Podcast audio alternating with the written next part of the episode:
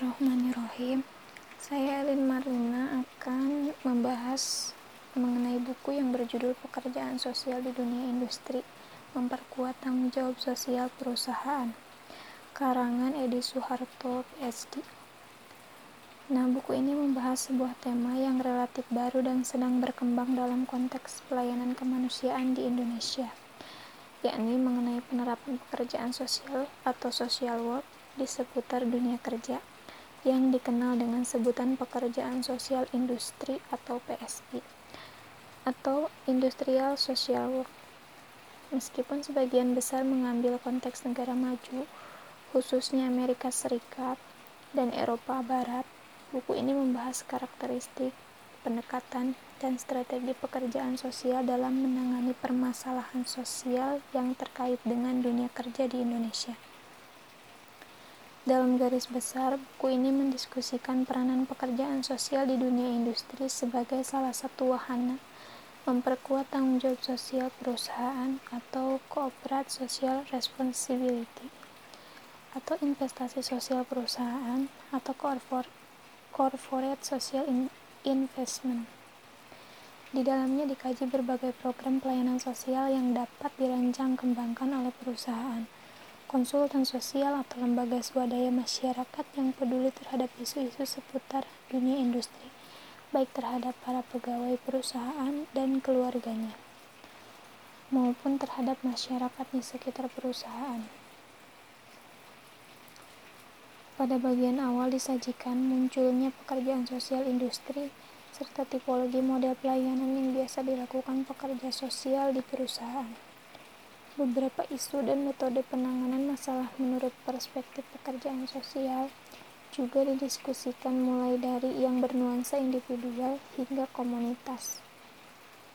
Topik yang bermatra pekerjaan sosial dengan individu dan kelompok mendiskusikan tentang burnout atau kejenuhan dan stres, serta pelayanan konseling.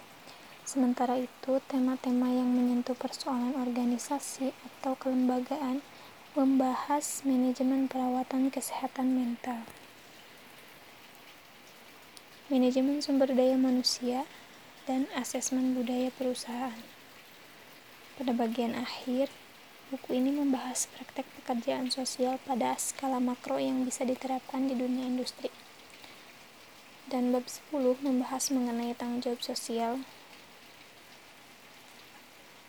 perusahaan atau TSP atau Corporate Social Responsibility dan kemudian pada bab 11 secara mendalam menguraikan metode pekerjaan sosial dengan masyarakat development dan bab 12 13 secara berurutan mendiskusikan advokasi sosial dan kebijakan sosial sebagai model pekerjaan sosial yang bersifat indirect intervention dalam memberdayakan masyarakat. Peran pekerja sosial industri di dalam buku ini dijelaskan bahwa pekerja sosial industri dapat didefinisikan sebagai lapangan praktik pekerjaan sosial yang secara khusus menangani kebutuhan-kebutuhan kemanusiaan dan sosial di dunia kerja melalui berbagai intervensi dan penerapan metode pertolongan yang bertujuan untuk memelihara adaptasi optimal antara individu dan lingkungannya, terutama lingkungan kerja.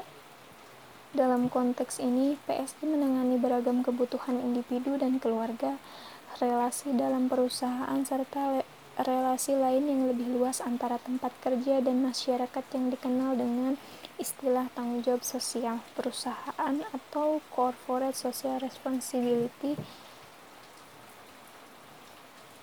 dan pekerja sosial sebagai agen perubahan yang bertugas mewujudkan keberfungsian sosial masyarakat agar terciptanya kesejahteraan sosial memiliki peran-peran tersendiri dalam menjalankan praktiknya. Dalam dunia industri, pekerja sosial memiliki tugas serta peran tersendiri bidang tugas pekerja sosial yang bekerja dalam dunia industri dijelaskan oleh Johnson dalam bukunya tahun 84 yang pertama itu kebijakan perencanaan administrasi Bidang ini umumnya tidak melibatkan pelayanan sosial secara langsung. Sebagai contoh, perusahaan tidak melibatkan kebijakan untuk meningkatkan karir pengadministrasian program-program tindakan afirmatif, pengkoordinasian program-program jaminan sosial dan bantuan sosial bagi para pekerja atau perencanaan kegiatan-kegiatan sosial dalam departemen perusahaan. Yang kedua, praktik langsung dengan individu, keluarga, dan populasi khusus. Tugas pekerja sosial dalam bidang ini meliputi intervensi krisis atau krisis intervention, assessment atau penggalian, penggalian masalah-masalah personal, dan pelayanan rujukan, pemberian konseling bagi pecandu alkohol dan obat-obatan terlarang, pelayanan dan perawatan sosial bagi anak-anak pekerja dalam perusahaan atau organisasi serikat kerja dan pemberian konseling bagi pensiunan atau pekerja yang menjelang pensiun. Praktik yang mengkombinasikan pelayanan sosial langsung dan perumusan kebijakan sosial bagi perusahaan. Dengan demikian, dapat disimpulkan bahwa kebutuhan akan pekerja sosial industri dalam perusahaan sangatlah luas cakupannya. Tidak hanya sekedar menangani dampak dari pemanfaatan teknologi saja, tapi berbagai aspek seperti dampak dari meningkatnya jumlah karyawan, peran pekerja sosial untuk menjawab isu pemberhentian karyawan dan pada perasaan tidak aman timbul pada pegawai atau declining mode. Dan juga pada saat terjadi konflik of interest pada karyawan seperti konflik karyawan dengan serikat kerja, dengan masyarakat lokal, dengan pemerintah, maupun dengan lembaga swadaya masyarakat yang berhubungan dengan perusahaan. Semua hal tersebut direalisasikan dalam bentuk pelayanan yang diberikan pekerja sosial industri. E, mungkin itu saja yang dapat saya sampaikan kurang lebihnya saya mohon maaf. Uh, wabillahi taufiq hidayah. Wassalamualaikum warahmatullahi wabarakatuh